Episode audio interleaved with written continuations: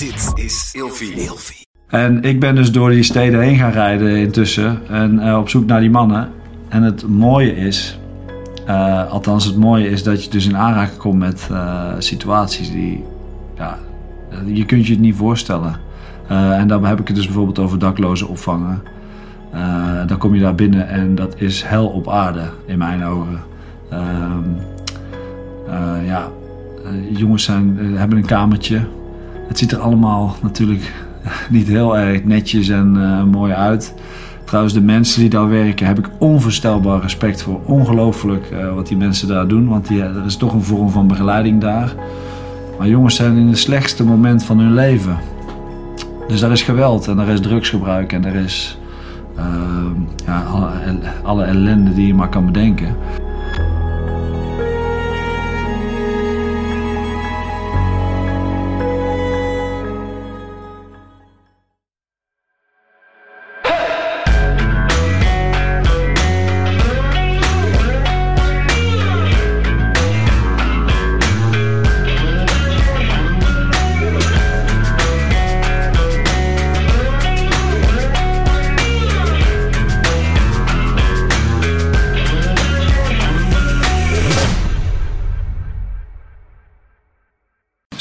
Welkom bij een nieuwe aflevering van Scherpschutters. Eh, tegenover mij eh, zitten twee heren mij woedend aan te kijken. Een commando en een eh, jongen uit het, eh, uit het Nederlands team rugby eh, van de Harde Leerschool. Ed, Dirk, welkom. Dankjewel. Dankjewel. Heel eh, tof dat jullie er zijn. Hoe voelt het hier in de Scherpschuttersstudio? Ja, wapens zie ik en eh dat ben ik niet zo gewend. Ed misschien wel, maar... Ik voel me wel op mijn gemak. Het is wel een mooie setting. Ja. Het is niet elke dag dat je in zo'n omgeving zit. Ja, ja, ik kan zeggen, want eh, ik, zat voor, ik zat een tijdje terug bij, eh, bij Wieberen. Eh, die ken jij dus ook nog, Ja, Ed, hoorde ik net. En ik, zei, ik begon over, onze, ons motto is uh, rammen met je kadaver. en hij moest heel hard lachen, want hij zegt, ja, die, die term heb ik twintig jaar lang niet gehoord. Eh, maar dat deed wel even wat... Nee, dat zijn kreten die ik, in mijn andere leven, in mijn vorig leven ook gebruikte. ja, dat, dat werkt. ja, ja dat, is, eh, dat is iets, denk ik ook, wat een term is eh, waar we het vandaag ook over gaan hebben. Wat, wat in een andere vorm terug gaat komen. eh, omdat we het, de reden dat jullie hier zitten is omdat jullie de oprichters zijn van de Harde Leerschool. En kunnen jullie eerst eens even goed uitleggen, wat is de Harde Leerschool? Ja, de Harde Leerschool is een project dat is overkomen waaien vanuit Engeland eigenlijk. Ehm, eh, waarin ze rugby gebruiken om ehm, jongeren, volwassenen, eh, een doelgroep die een beetje ondergeschoven is, eh, weer aan, eh, aan het werk te krijgen. En in 2015 eh, zijn wij daarmee begonnen met een aantal succesvolle ondernemers vanuit de rugbywereld. En ja, al snel bleek dat dat heel succesvol bleek. Jongens maken een transformatie door in een korte tijd. En, en, en hoe, eh, hoe ziet die transformatie? Leg ze iets meer uit van, van eh, oké, eh, hoe werkt dat? Wat voor soort jongeren, men- wat voor soort mensen doen, gaan daarin? Ja, dus ehm, ja, wat wij zeggen is eh, ehm, dat, dat jongeren, jongeren met afstand tot de arbeidsmarkt. Eh, onze doelgroep is vanaf 18 jaar. Eh, dus ehm, ja, 18 plus volwassen mannen die, eh, die even niet weten welke richting ze op moeten, gaan eh, vervolgens bij ons het programma starten. Een intensief programma van acht weken. En daarin gaan ze de sport rugby leren kennen. En dan is rugby vervolgens het middel om, om ze te activeren en ze weer richting de arbeidsmarkt te krijgen. Waarom rugby? Rugby is een, is een sport, die, het is een harde sport, een directe sport. Je moet ehm, controle hebben over, eh, over je lijf. En je moet je lijf leren kennen, maar je moet ook controle hebben over je emotie. En eh, bijvoorbeeld een scheidsrechter is een hele belangrijke man bij het rugby en wordt ook eh, met respect behandeld. Ja.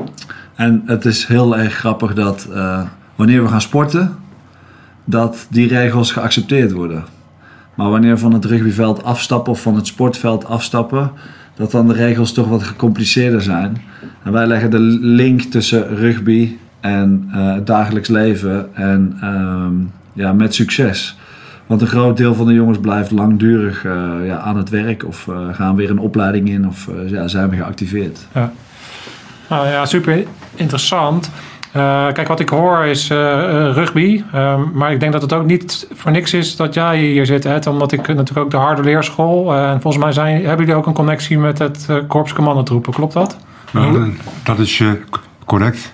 Maar ik wil even beginnen met een, een kleine nuance aan te brengen. -hmm. Wij zijn niet de oprichters. Okay. De oprichters, dat zijn vier rugby corifeeën die hiermee begonnen zijn. En die hebben ons benaderd om een rol te gaan spelen binnen dit programma. En wel in Nederlands of vanuit Engeland? In Nederland. In Nederland, ja. Weet je wel, in 2014 gingen Yves Kummer, Dick de Kok, Bas Witvoet en Frank Volmer gingen een weekendje naar Londen. Mhm. Alle vier uh, oud uh, rugbycorifeeën. En die kwamen daar in aanraking met de School of Hard Knocks. En die, die hadden zoiets van, wauw, dit is gaaf. Dit gaan we in Nederland wegzetten. Nou, zo gezegd, zo gedaan. Mannen hebben dat in Nederland uh, weggezet. Dirk is vanuit zijn rugby-achtergrond benaderd. En ik ben benaderd vanuit mijn uh, oud-commando-achtergrond. Mentale vorming. Weet je, dat is ook een rode draad die in het programma zit. En we gebruiken alles wat we doen als middel om dat gedrag van die mannen te beïnvloeden. Ja, ja. interessant. Want uh, wat, wat, wat is dan. Uh, ik, ik, ik roep dat zelf ook al uh, lang. En ik denk dat heel veel mensen daar wel iets mee hebben van, van hoe komt het nou dat ehm, je jongens zo ziet ontwikkelen bij, bij de commando's of bij de mariniers. Ik heb dat zelf bij mezelf ook ervaren toen ik jonger was. Had ik ook wel een beetje een scherp randje. En ik ben absoluut geen kansloos. Of, of ik ben niet een, jongere die geen kans heeft gehad. Want ik ben natuurlijk gewoon een uh, blanke jongen in een rijk gezin. En ik heb alle kansen gehad die ik maar kan wensen. Maar toch had ik dat scherpe randje. Dus ik, ik kan me voorstellen dat als je die kansen dan allemaal niet hebt, dat, dat je dan ja, wat lastig hebt om in deze maatschappij ergens te komen. En toen, wat ik vond bij het Corps Mariniers, was die harde hand, de, gewoon die duidelijkheid en die discipline. Dat voelde als een soort warm bad. Iets waar ik heel erg in gedijde in het begin. Ja. Omdat ik gewoon helder had wat ik moest doen en hoe ik het moest doen en wat, ik, wat mijn doel dan was. Herkennen jullie dat en wat doet het met die jongens als jullie. Uh, uh, Natuurlijk herken je dat. Ja. En als je met die jongens kennis maakt, dan zijn het uh, jongens die volledig hun zelfvertrouwen kwijt zijn. Ze komen binnen met een kopje omlaag en vinden het erg spannend. Hebben geen flauw idee wat er gaat gebeuren. En wij weten uit ervaring inmiddels dat als je mensen aandacht geeft en je behandelt ze op gelijkwaardige basis. En je uitgangspunt is positief coachen en respect, dan bereik je veel met mensen. En voor deze jongens is dat een verademing, is nieuw. Dus we geven ze aandacht, we behandelen ze respectvol, we, laten ze kennis maken met uh, sport en bewegen. We zetten ze voor de spiegel. We laten ze naar zichzelf kijken. We prikkelen de intrinsieke motivatie.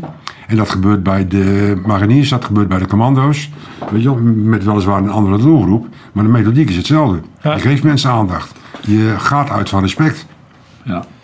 Waar, waar, waar vinden jullie die jongens? Hoe komen jongens bij jullie? Hoe werkt dat? Ja, dus uh, dat verschilt heel erg. En in uh, 2015, uh, ja, door die ondernemers, dus die vier mannen, uh, was het ook een, ge gefinancierd door die vier heren. in combinatie met de gemeente Rotterdam zijn we daar gaan opstarten. En allebei onbekend in dat hele wereldje op zoek gegaan naar die mannen. Uh, de gemeente speelt daar wel een rol in. En uh, samen met gemeenten en verschillende instanties gaan we eigenlijk zoeken. Er bestaat natuurlijk al een hele hoop. Denk aan wijkteams, denk aan uh, jeugdzorg. Uh, jeugdzorg. Nou ja, jeugdzorg is dus onder 18 in principe. Hè? Okay. Dus dat is, ja. daar blijven wij vandaan.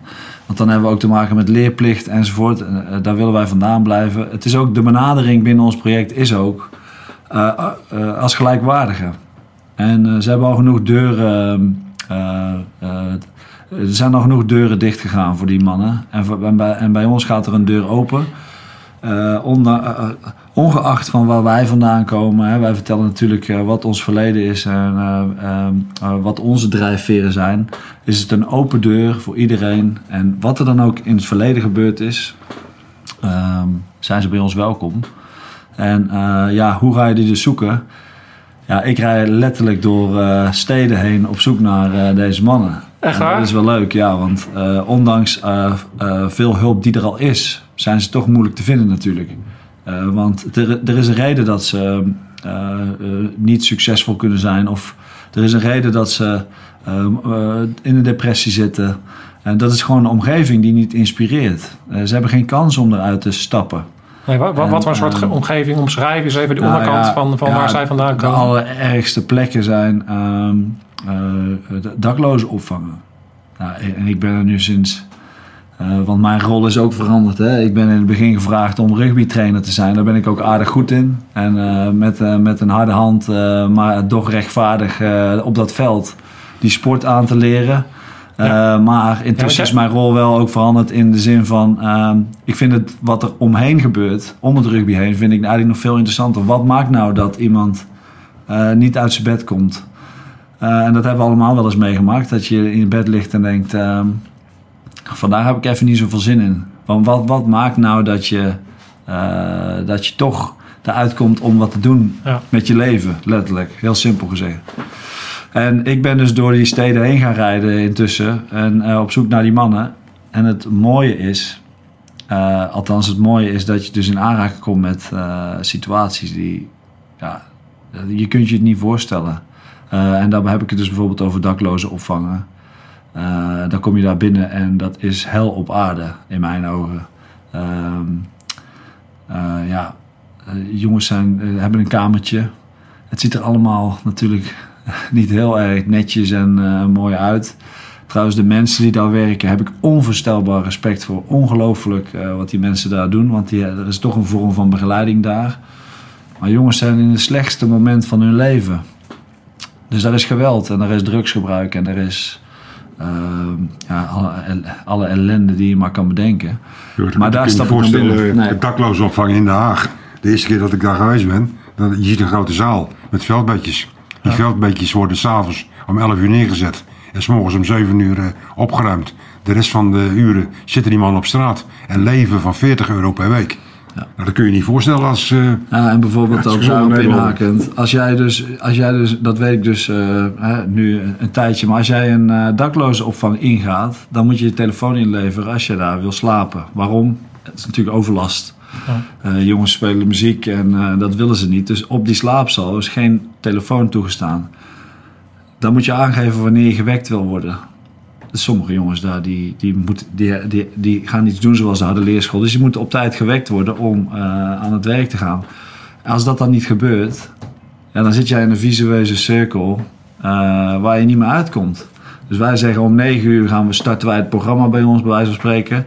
De jongens komen niet opdagen. Ja, wat is de reden? Ja, ik had geen wekker. En ik heb gevraagd dat ze me wilden wekken, maar het is niet gebeurd. Eh, ja, dan ben je dus afhankelijk van zoveel verschillende eh, dingen. Ja. Ehm, eh, maar dat soort plekken, daar ga ik dus heen, daar gaan wij heen om de vraag te stellen wie wil de uitdaging aangaan en de harde leerschool gaan starten. En dus op basis van vrijwilligheid eh, Ja. eh, kunnen ze... Ja, Ja, we hebben het- één project gedraaid. Eh, dat ze, als ze niet aan de regels hielden, dat ze de, uit de uitkering gingen. Eh, dus onder dwang. Maar dat werkt niet. Dus het is echt intrinsieke motivatie. Ze moeten zelf willen. Ja. En dan hebben we eh, een aardig eh, succes met jongens die echt willen. Ja. Ja. En, en, en hoe gaat het dan voor zo'n... eh neem ons mee van oké, eh, je, je vindt dan zo'n jongen, je spreekt zo'n jongen aan... En je geeft aan van, nou, dit, ik, ik, je geeft eigenlijk een kans. Je geeft aan die jongen van, nou, weet je, eh, je zit in deze situatie, ik bied jou een hand. Ja. Handreiking en eh, dit is een mogelijkheid voor jou om eruit te komen. Wat voor soort reacties eh, krijg je dan als je dat zo'n gesprek aangaat met Ja, zo iemand? in eerste instantie is natuurlijk.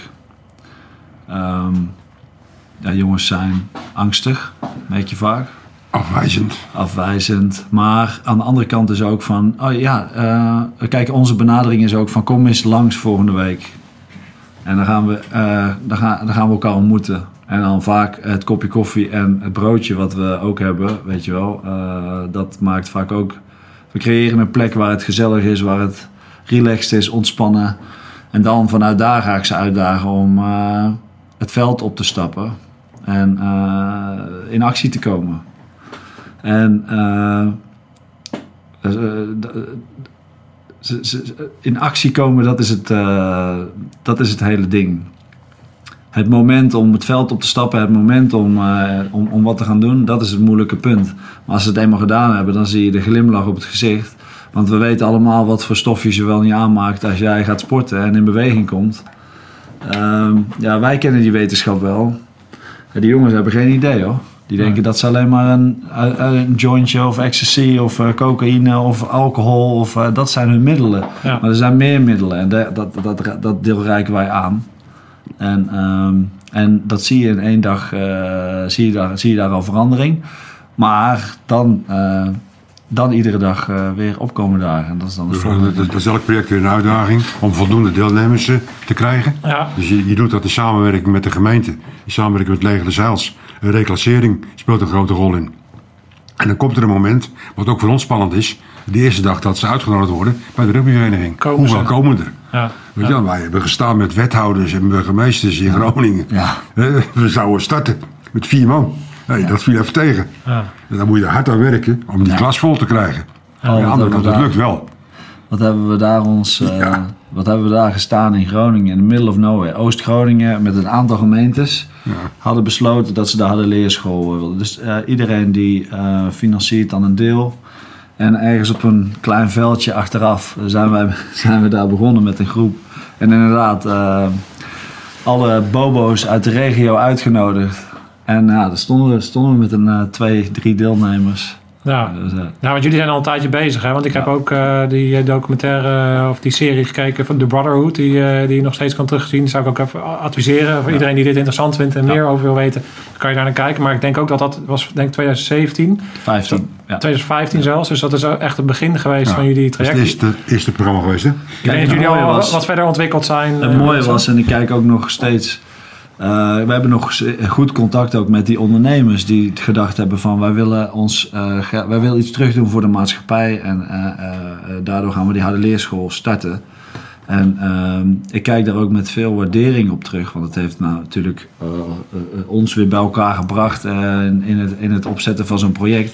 Maar dat waren succesvolle ondernemers die weten wel hoe ze iets moeten ehm, neerzetten. Dus in samenwerking met hun werd gelijk die eh, eh, documentaire neergezet. Ehm, alle, er werden heel veel partijen, dat hele netwerk werd aangetrokken om dus eh, samen dat project neer te zetten. Nou, dat was, dat was een gigantische happening.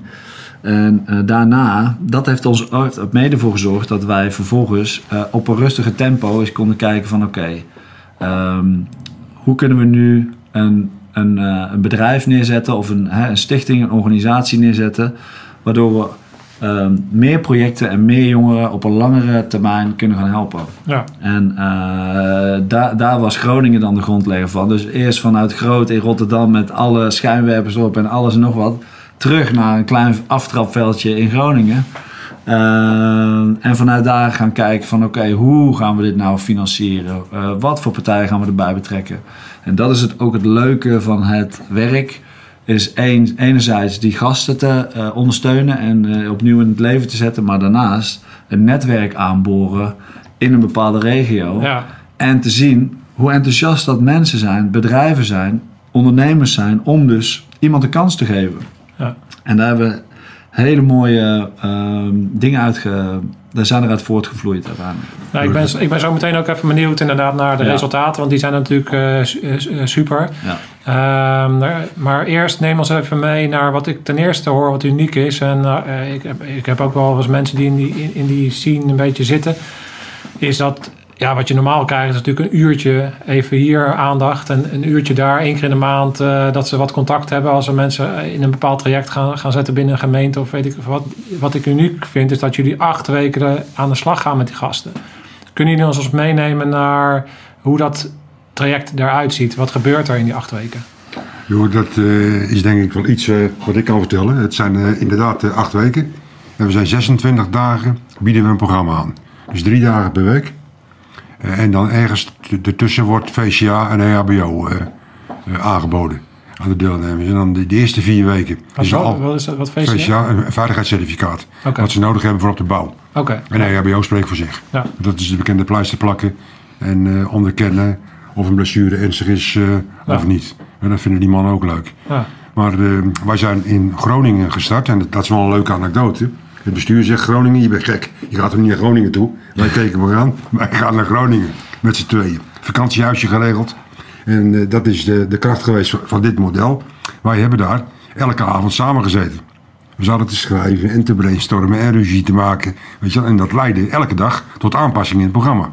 Want we waren niet gelukkig met het programma. En het programma wat nu staat, de basis, is, eh, is daar gelegd. En dat betekent dat we acht weken aanbieden. De eerste vier weken zijn algemeen. Kennis maken, vertrouwen opwekken. En daarin bieden we elke ochtend rugby. En elke middag staan we voor de spiegel om eh, ja, tegen jezelf te zeggen: wat wil je nou met je leven? Wie ben jij? Waar liggen jouw talenten? We sluiten het eerste deel af met een bivak bij het Korps Commandotroepen. Een van onze hoofdsponsors van het programma. En dan mogen we drie dagen op de ruk van zij een bivakprogramma draaien. We huren daarvoor oud-commando's in.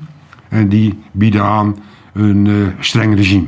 Dus jongens worden hard aangepakt, worden ook fysiek uh, eventjes aan de feiten getrokken. En dat is een programma wat goed te doen is, wat de mannen spannend vinden. En na afloop zie je ze groeien, borst vooruit. Uh, het zelfvertrouwen neemt enorm toe. En het gevoel van eigen waarde en de brotherhood begint dan vorm te krijgen.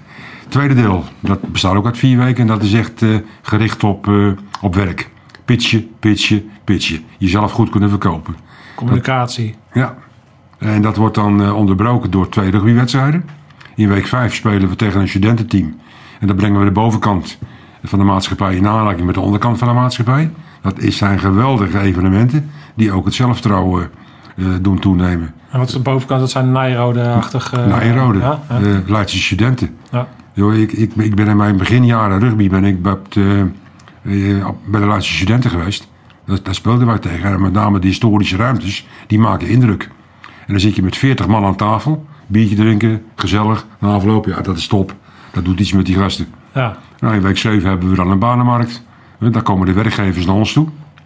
En uh, de werkgevers presenteren zich, de deelnemers presenteren zich en daar komen banen uit. Nou, week 8 is een feestweek, dan sluiten we alles af. Uh, opa en oma komen kijken. En dan krijg je emotionele tafereelen. Ja. Opa's uh, die om je nek vliegen van bedankt. Ik heb mijn kleinzoon terug. dat is echt indrukwekkend. Ja, en dan gaan ze aan het werk daarna, na die acht weken. Dat is een kort ja. niveau. Ja, want jullie hebben dus ook contact met werkgevers. En van, dus jullie ja. managen dat, die overstap naar werk. Ja, en, dus enerzijds hebben we inderdaad dat achtweeks programma waar we bezig zijn met die jongens.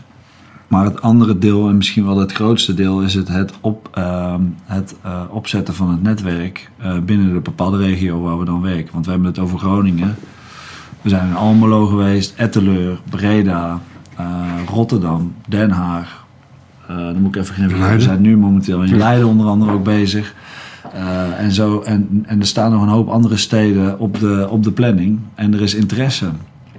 Maar als wij daar komen, is het altijd leuk. Uh, dat is ook wel het leuke met het team wat we hebben. Want het is niet alleen Ed en ik natuurlijk, maar we hebben daar nog weer meer mensen omheen zitten. Ja. Die, uh, waar we samen uh, weer in een nieuwe wereld terechtkomen. En hoe, nu bijvoorbeeld in Leiden gaan wij in februari het derde project starten. Ja, dan is dat netwerk al wel. Uh, dat wordt steeds beter. Dus ja. er is steeds meer mogelijk.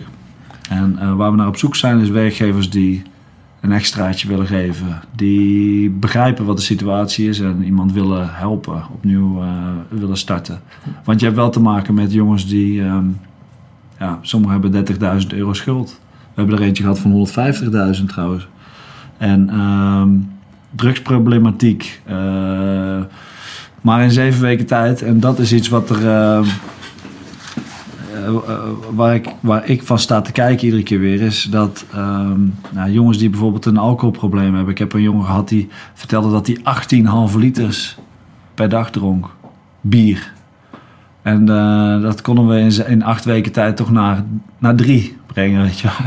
Het probleem is nog niet weg, want acht weken is kort eigenlijk natuurlijk. Hè? Ja. En dat is ook veel, um, veel professionals hebben ons vaak gezegd van acht weken is te kort. Is te kort. Maar ik moet ook wel zeggen dat na de acht weken is het niet, houdt het niet op.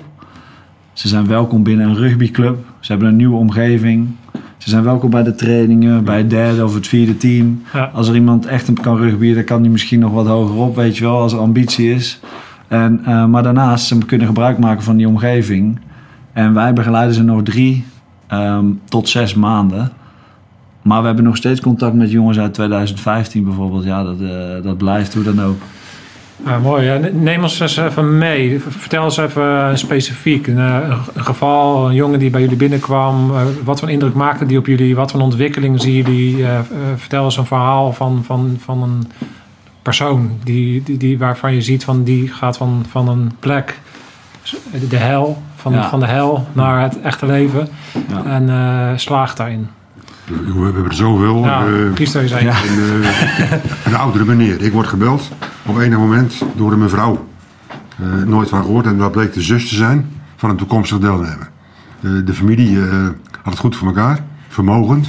En een van, van de kinderen, een zoon, die was compleet ontspoord. Had inmiddels negen jaar eh, in de gevangenis gezeten.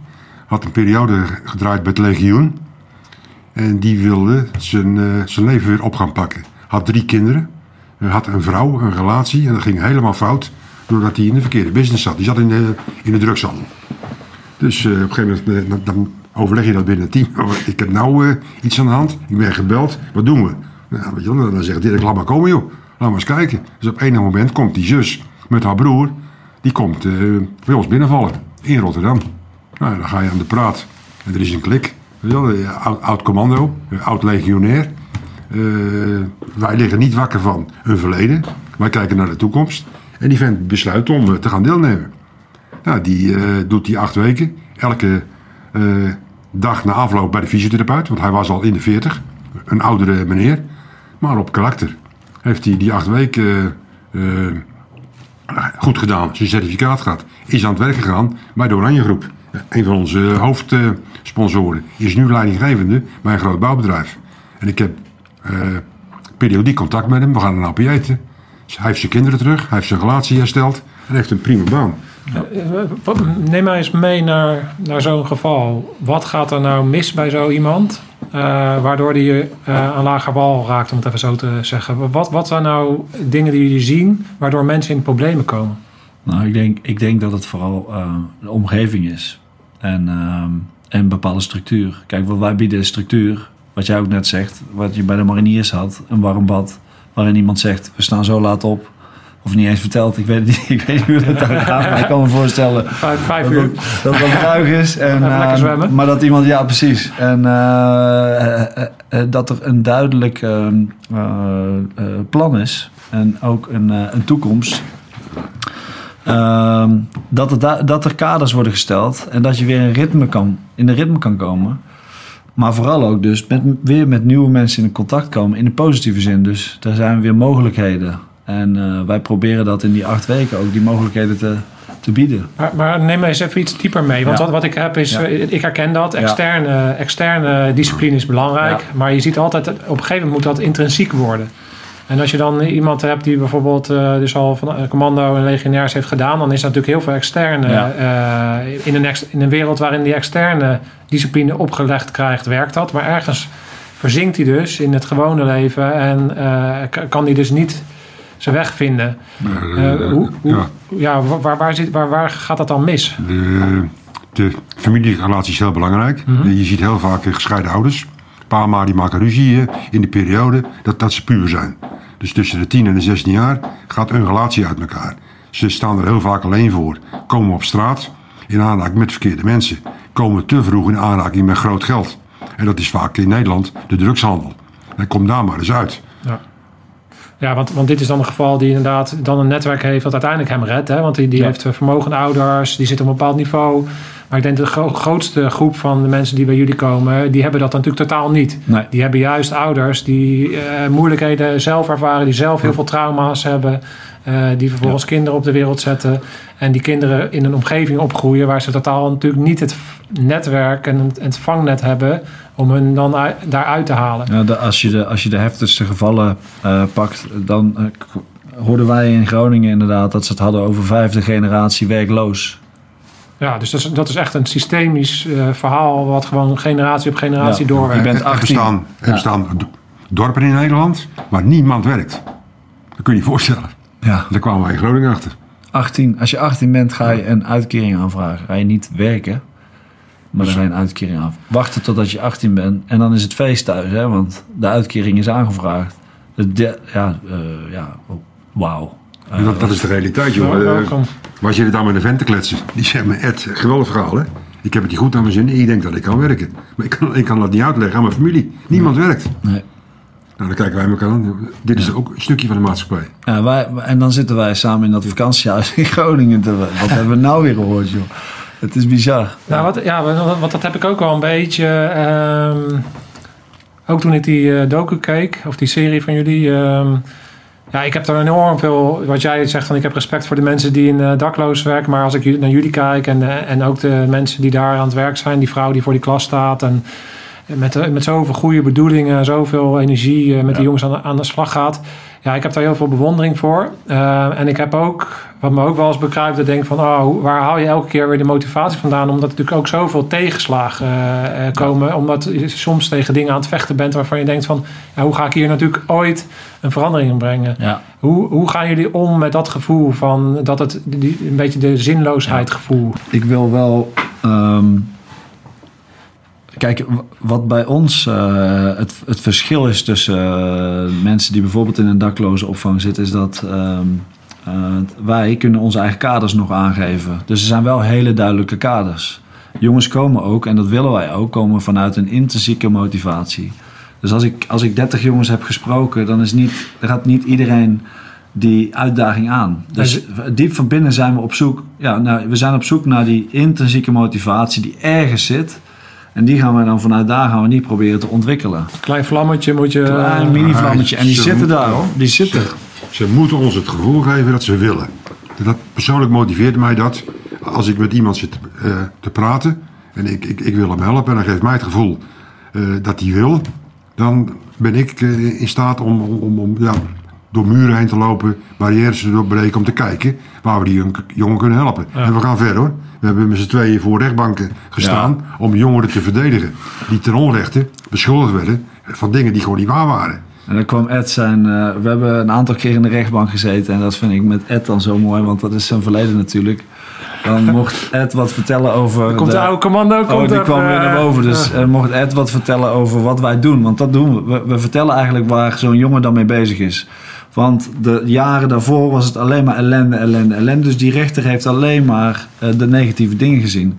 En nu is er ineens een klein positief puntje. Daar komen wij dan over vertellen. Dus dan zegt de rechter van meneer Oskam. En dan gaat re- die staat op en die groet. Edelachtbare, zei hij. Edelachtbare.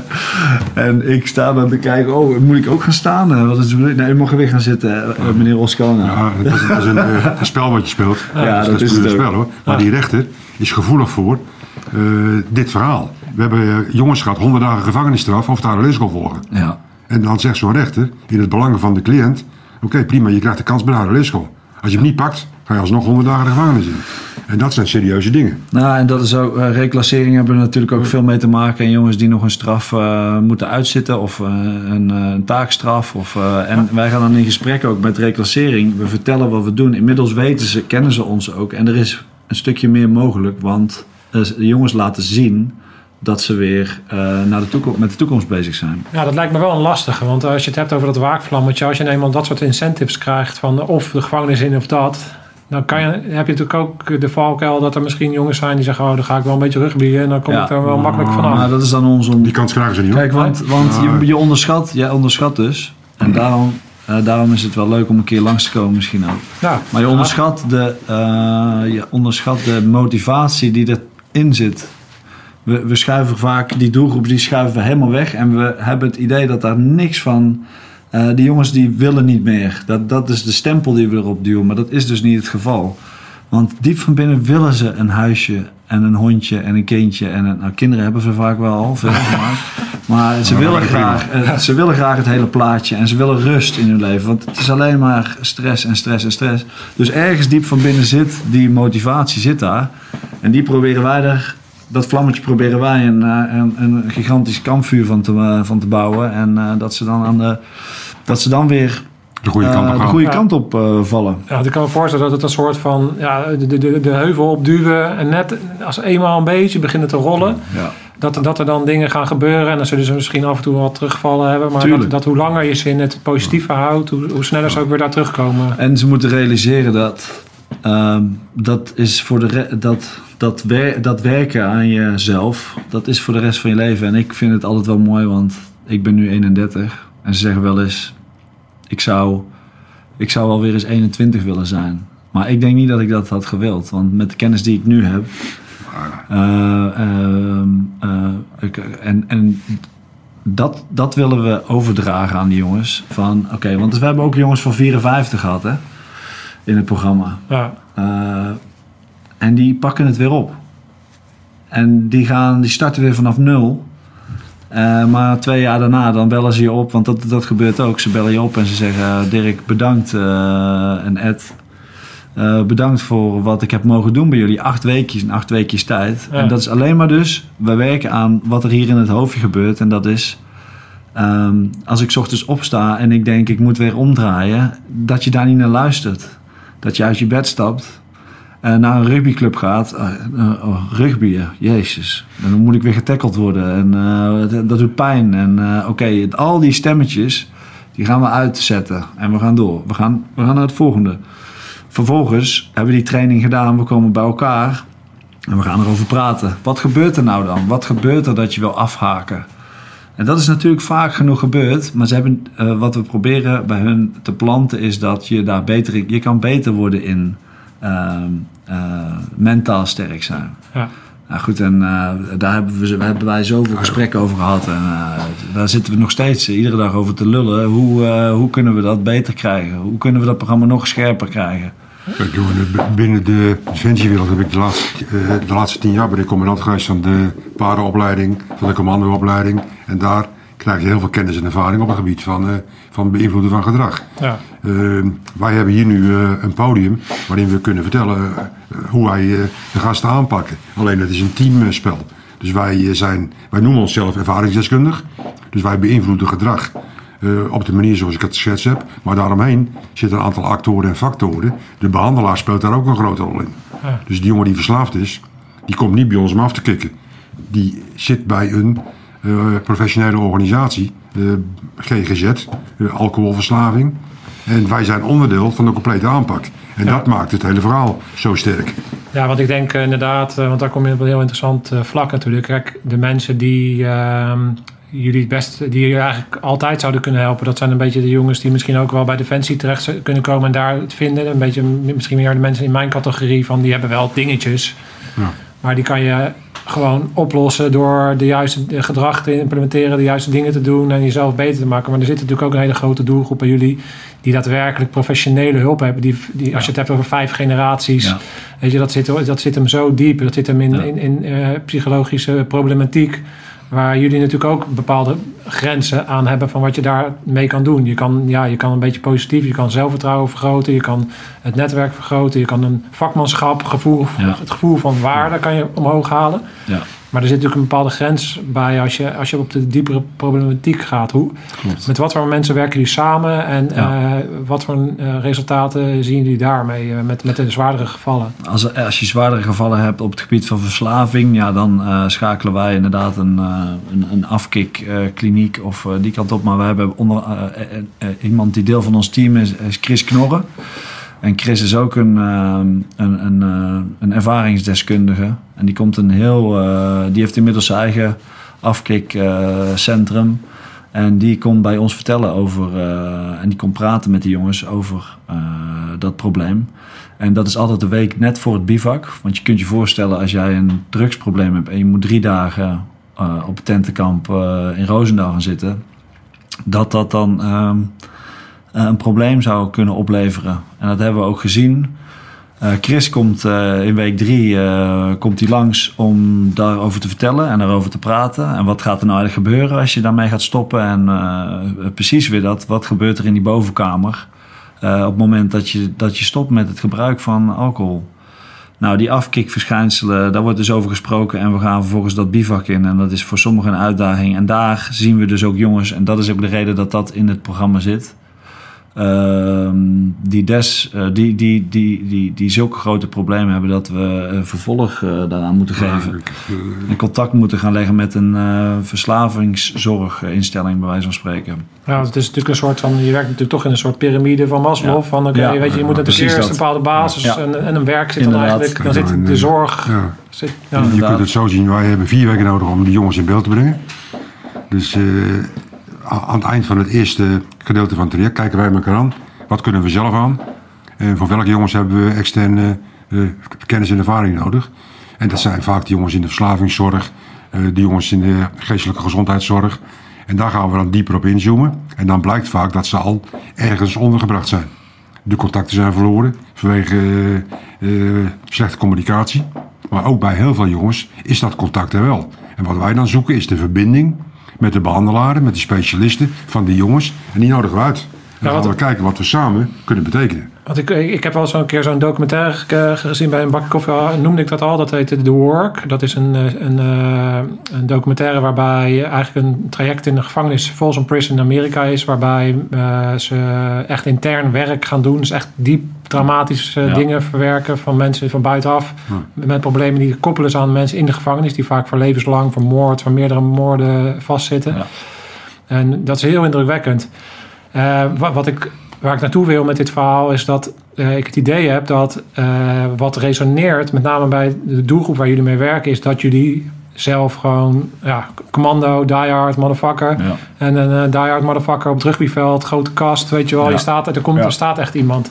En dat werkt natuurlijk heel erg goed bij jongens die van de straat komen, die, die toch een bepaalde ja, mate van respect daarvoor hebben, denk ik. Ehm, ik kan me voorstellen dat je als, je, als je gaat kijken naar de mensen met wie je werkt in, in, in het, eh, echt het zorgverhaal, dat het ook belangrijk is om mensen te vinden die ook resoneren op dat vlak. Dus Ja. of mensen die ervaring hebben eh, bij, ja, in, in die wereld. Omdat ik, Ja. ik- ja, de keren dat ik, ik denk dat er een heel groot verschil in zit bij welke dienstverlener, eh, hulpverlener je terechtkomt. Ja. En wat de resultaten daarvoor zijn. En dat het bij de- deze doelgroep uit, extreem belangrijk is dat je Ja. ze bij mensen neer gaat zetten die, waarbij ze ook resoneren. Kijk, we, we, we leven in een, in een land waar, waarin heel veel hulp beschikbaar is. Alleen, eh, wat is het verschil? Eh, en de- vaak ook hele kundige en hoogopgeleide mensen. En wat wij eigenlijk doen in het programma is daar eigenlijk volledig van afstappen. Maar wij maken gebruik van de hulpverlening die er al is. En wij stoten niemand af. Wij brengen iedereen naar onze club toe. En we gaan in gesprek. Dus er is vaak al. Ik heb wel eens met zes professionals, universitair opgeleide mensen gezeten. Met één jongen aan, aan het hoofd van de tafel. En dat we zeiden van, wat gaan we doen? En dat iedereen elkaar zit aan te kijken. Ja, ik ben daar mee bezig. Ik dat, zus, zo. Er zijn zoveel dingen in gang gezet. En die jongen heeft geen idee. Want die, daar is hij helemaal niet mee bezig. Want hij is bezig met, in zijn hoofd met een schuld die moet eh, afgelost worden. Hij is bezig met eh, een verslaving dat het probleem is. Maar wat ik wil zeggen is dus, de hulpverlening bestaat. Alleen wij brengen dat in een korte tijd allemaal bij elkaar. En wij gaan samen met al die professionals zitten om te kijken, oké, hoe kunnen we, welke richting gaan we nu eigenlijk, eh, welke richting gaan we kiezen? Ja. En, ehm, en, en dat is heel erg interessant en dat is leuk.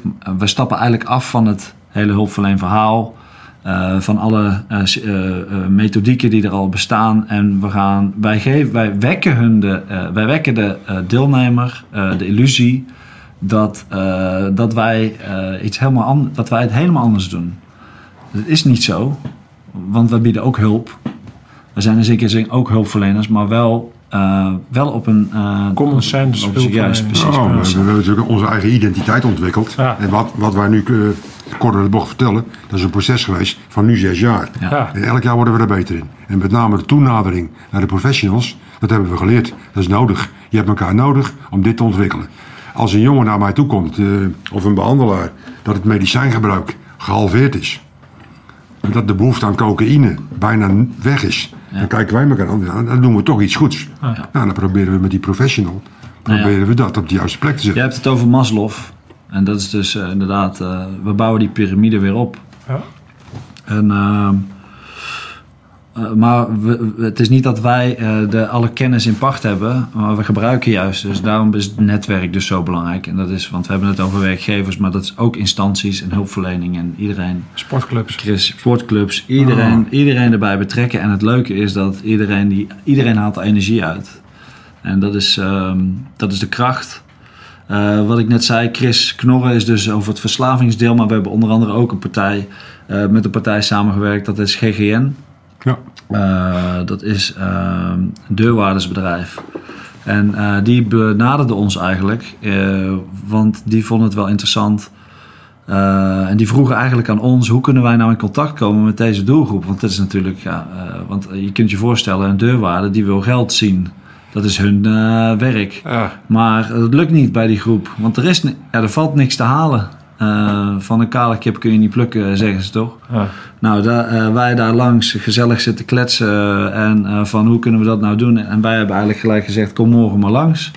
En kom maar vertellen. Nou, toen wij vertelden aan de groep dat er een deurwaarder langs kwam, was dat natuurlijk ellende. Ja, de helft kwijt. Ja, ja, ja. Maar uiteindelijk iedereen weer bij elkaar gekregen en eh, het gesprek aangegaan. En dat is dus wat we doen. Verbinding. Eh, want als je zegt van eh, je, pre- je, je nodigt een deurwaarder uit, dan beginnen mensen al te lachen van wat gaat er nou gebeuren? En dat proberen we te doen.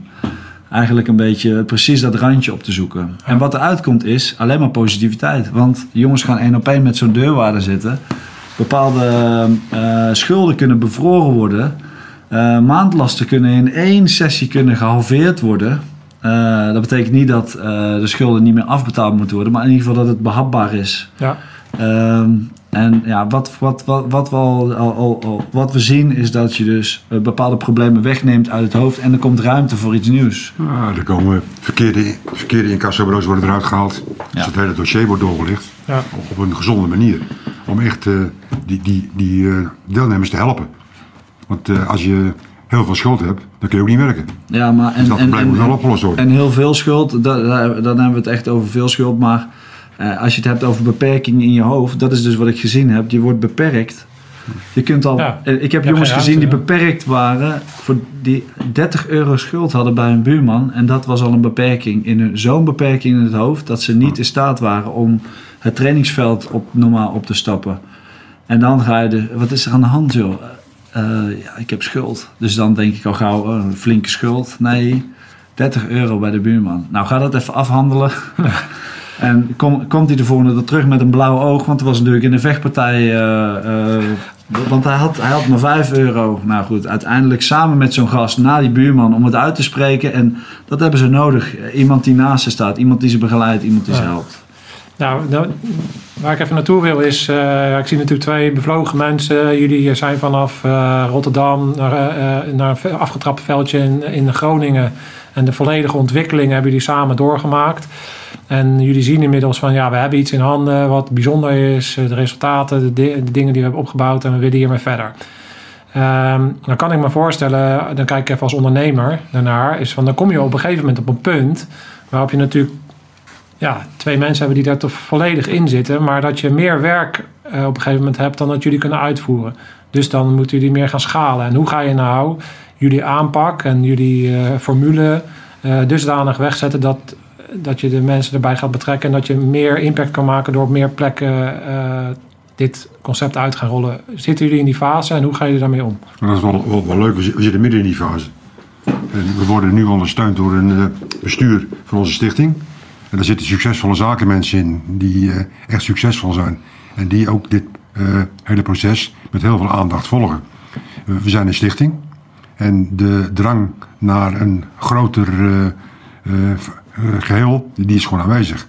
En we zijn ons nu aan het oriënteren op het pad van de social enterprise. Dus dat betekent de stichting overeind houden, daar een BV aan plakken en vanuit die organisatie een grotere markt gaan bedienen. Maar dat betekent een andere organisatiestructuur en je hebt ook meer medewerkers nodig. Dus we zijn begonnen met z'n drieën. We zitten nu al op twaalf, hè? We hebben een team van twaalf. Nou, en dat zijn processen waar we middenin zitten en die wel leuk zijn. Want de behoefte van de markt, we draaien dit jaar vijf projecten. Volgend jaar zijn we er twaalf aan het plannen. We krijgen het gevangeniswezen erbij. Eh, we zijn met het UWV aan het schakelen. Want dit is toepasbaar op de hele arbeidsmarkt. Dus ook mensen op managementniveau die vastlopen. En dan ga je s'morgens mee sporten. En smiddags voor de spiegel mee staan. Ja, daar is behoefte aan. Want die moeten het nu doen met één gesprekje per week, per maand. Ja. Ja. Ja, wij, wij zijn natuurlijk heel erg bezig met het helpen van die gasten. eh, hè, eh, en dan heb je het meer over de persoon. Maar als je kijkt naar de cijfers. Als, als iemand een uitkering krijgt, in contact is met justitie, eh, ongezond is, dus vaak bij de huisarts zit, dan kost iemand al gauw 30.000 euro per jaar. Ehm, eh, en als jij dus vijf eh, of tien mannen aan het werk krijgt en die zijn weer gezond, die hebben geen contact met de politie en die zijn weer aan het werk en die betalen belasting, dan is dat een interessant verdienmodel. Eh, dat is interessant voor gemeenten. Tot nu toe eh, zijn we ook eh, heel, heel erg blij met de samenwerking met gemeentes. Eh, daarnaast zijn we op zoek naar, naar eh, eh, eh, fondsen. Dus mensen die, eh, of, of, bedrijven die eh, hier iets in zien en willen bijdragen. Zodat we weer. ehm, zodat wij eh, niet van project tot pro- project kunnen leven, maar in de toekomst kunnen kijken. Sustainable. We zijn nu heel erg bezig met een vijfjarenplan. Hoe kunnen we in vijf jaar tijd zoveel mensen helpen? Ne- eh, Neem ons eens mee dan. Als- Stel, er zit iemand te kijken, die is ondernemer, succesvol ondernemer, zit in de fase van zijn leven dat hij eh, het gevoel heeft dat hij eh, z- schaapjes op het droog heeft, mooie, mooie dingen heeft neergezet, maar iets terug wil doen. kijk, eh, hoe, hoe, kan ja. die bij jullie aansluiten en op wat voor manier? Wat, wat interessant is, is dat het mes van twee kanten kan snijden. Wij hebben straks eh, capabele jongens die aan de slag willen, die hun leven willen beteren, eh, die aan het werk willen. Heb jij een bedrijf die, eh, die dat soort jongens nodig heeft, vallen die jongens binnen de doelgroep, dan kunnen wij daar, kan er een connectie komen. Ehm, ben jij in de, eh, eh, zie jij eh, toekomst in de harde leerschool bij wijze van spreken en wil je daaraan verbonden zijn, eh, dan, eh, dan eh, zou je daarin kunnen investeren.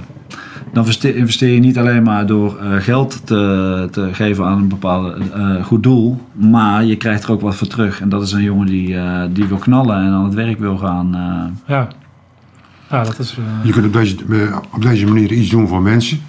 En in 2015 heeft de politiek de participatiewet eh, verzonnen. Eh, daaraan gekoppeld eh, zit een stukje social return of investment. Dus organisaties die voor de overheid werken en opdrachten krijgen van meer dan 2 ton, die moeten 5% van de investering moeten ze besteden aan sociaal-maatschappelijke doelen. Dat noemen ze social return of investment. Oké, Eh, we zitten nu in zes jaar na, de, eh, na het ontstaan van de participatiewet. En nu pas begint dat te lopen. Dus wij worden nu door bedrijven benaderd. Hey, hebben jullie nog mensen oké. die wij aan het werk kunnen zetten? En daar zitten voordelen aan voor de, voor de werkgever. Ja, Maar de, de vraag is, eh, hoe, hoe, hoe, hoe komen investeerders of geïnteresseerden terecht? Gewoon bellen. ja. Gewoon contact zoeken met Dirk of bij mij. Ja. Onze nummers staan op de website. En dan krijg je een leuk eh, gesprek. En waar mogelijk kunnen we elkaar vinden. Ja, nou, ik zal ook eh, de link uiteraard even onder, in de beschrijving van de YouTube-video zetten. Dus als je op zoek bent. eh, Maar Google eh, eh, doet ook een hoop eh, de harde leerschool. Eh, check het. Ja, dus eh, ik hoop dat er mensen luisteren en dat, dat heel veel bedrijven en, en instanties en, eh, eh, gaan aansluiten. En ken jij iemand die in de problemen komt, die je zelf misschien hebt proberen te helpen? Weet je, dat is, dat is ook. Hè. Je kan ook dus gewoon, eh, als je iemand ziet van ja, die zit eigenlijk in de problemen. Ik, ik probeer hem zelf te helpen, maar het lukt me niet. Of Ja. eh, ja, probeer iemand zover te krijgen dat, dat je laat zien van hé, er, is- er is een mogelijkheid om, eh, om in zo'n traject te gaan. En uit je shit situatie te komen. Want soms is het net even die, Dat is het. het Ja, maar- incentive. Maar Iedereen heeft al, dat. Iedereen heeft dat nodig. Ja, ik word regelmatig gebeld door mensen die die vraag stellen aan mij. Ja, dan kom je meestal uit, joh, en wij kunnen meer dan we nu doen. Dus het aanbod eh, eh, is nog niet dat we zeggen van, nou, wauw, we kunnen er niet meer aan. nou, We kunnen veel meer aan. Daar zijn we van overtuigd. Alleen, eh, dit heeft tijd nodig. oké. En dit ziet er over, over tien jaar heel anders uit. Ja, dit, wordt- dit wordt een grote organisatie. Neem ons eens mee dan. Wat is jullie ideale wereld? Hoe ziet, hoe ziet het over tien jaar de harde leerschool? Wat voor een positie heeft het in Nederland? En wat is jullie eh, visie? In ons ideale beeld eh, zijn we in staat om meer jongeren, meer mensen te helpen.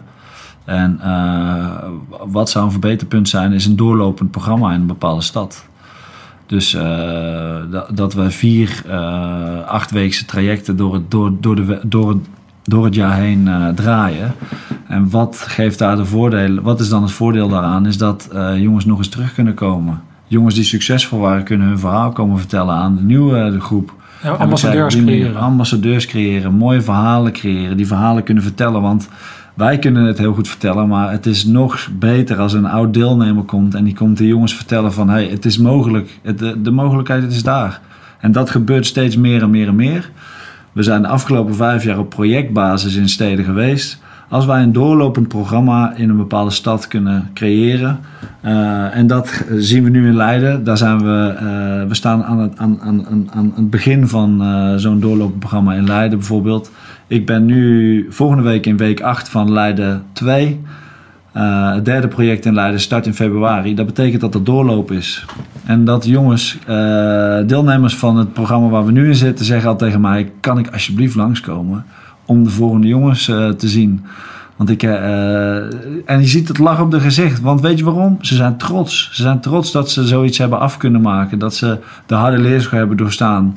En dat is ook de reden dat het de harde leerschool heet. Want het, heeft een, het geeft een bepaalde lading. Ja. En, uh, en, en, en die ambassadeur, dat ambassadeurschap, de, uh, zo ontstaat er een, een, een, een community, laat ik het zeggen, of een, uh, een, beweging. een beweging met mensen die, die het verhaal als de beste kunnen vertellen. Ja, die hebben er zelf gezeten. Het, het leuke is, want we hebben momenteel de wind mee. We hebben midden van dit jaar een convenant gesloten met Rugby Nederland. Dus dat betekent dat we een netwerk hebben. Sowieso 100 rugbyverenigingen met 15.000 rugbyers. Dus mijn droom is dat we binnen nu en, eh, en vijf jaar over heel Nederland verspreid steunpunten hebben eh, van waaruit we opereren. Dus in het noorden, in het zuiden, in het westen, in het oosten. Overal heb je dependances van de leerschool die eh, mensen kunnen en willen helpen. Ja. En dat rugbynetwerk eh, speelt daar een geweldige rol in. Nou, dat gun ik jullie. En dus als ik jullie energie voel en en waar jullie mee bezig zijn, dan heb ik alle vertrouwen in dat dat die kant op gaat. Ik wil even afsluiten met één ding waarvan ik denk, wat ik net ineens bedacht. Van, eh, ja, het heet natuurlijk de harde leerschool en het gaat, we hebben het over discipline en commando's en weet ik dat niet. Maar ik denk eh één factor die mensen zich misschien niet realiseren is eh, dat er waarschijnlijk enorm veel ruimte is voor humor. Zeker. Neem ons eens mee naar wat voor soort eh, eh, ja, humor er leeft binnen zo'n traject en wat, wat voor sfeer er hangt. Want het is natuurlijk niet alleen maar ellende. En, eh, Tuurlijk niet. nou ja. Elke dag wordt er gelachen. Direct. Ja, nou goed. Elke dag hebben we lol. Ja, En die gasten ook hoor. Ja, Hey, we zijn ook, eh, want eh, het heeft vaak de, eh, de- inderdaad de harde leerschool en dat geeft een beetje dat grimmige. ja, Maar nee, het is, eh, het is lachen man. Het is mooi om te zien ook hoe, hoe, ehm, ja, hoe die gasten, die hebben, ik bedoel, het, sport, het beleven van een sport is een plezier natuurlijk. Hè? En nou, in dat rugbydeel is dat interessant, maar ook in de middag. Ja, er worden verhalen verteld en als, eh, als je daar inderdaad goed op kan lachen eh, met z'n allen. En eh, het is een lach en het is een traan en het is soms boosheid. Eh, maar ik denk dat het plezier eh, overheerst. Dat is ook een van onze waardes hoor. Het moet, plezier, eh, het moet plezierig zijn om eh, weer aan jezelf te kunnen werken. Jo, en dat hanteer ik al meer dan 60 jaar. Elke dag moet er gelachen worden. Je moet lol hebben in je leven. En ook onder moeilijke omstandigheden hoor, kan dat. cheerfulness in the face of adversity, zeggen ze bij de commando's. Ja. Ja, maar het- Eh, ja, ik, ehm, ja, ik vind het heel bijzonder om met jullie eh, dit gesprek eh, gevoerd te hebben. En ik eh, heb nogmaals enorm veel bewondering. En ik wens jullie heel veel succes met jullie missie. Om zoveel mogelijk mensen die in de problemen zijn geraakt en wat minder kansen hebben, en weer een, kans op een goed leven te geven.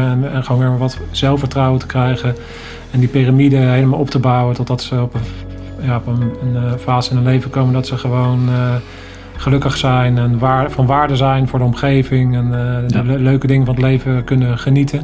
En eh, dat, dat cadeau geven jullie in. Dus eh, bedankt voor dat, eh, voor dat werk en Jij dat jullie wilden aanschuiven. ja, graag gedaan joh. Bedankt voor de uitnodiging. ook van harte welkom bij ons eh, als je een keer wil komen. Ja, dat lijkt me heel erg leuk. Top. Top. Dankjewel. Alright jongens. Alles gezegd? Alles gezegd. Alright, top. Scherpschutters. Uit. Top.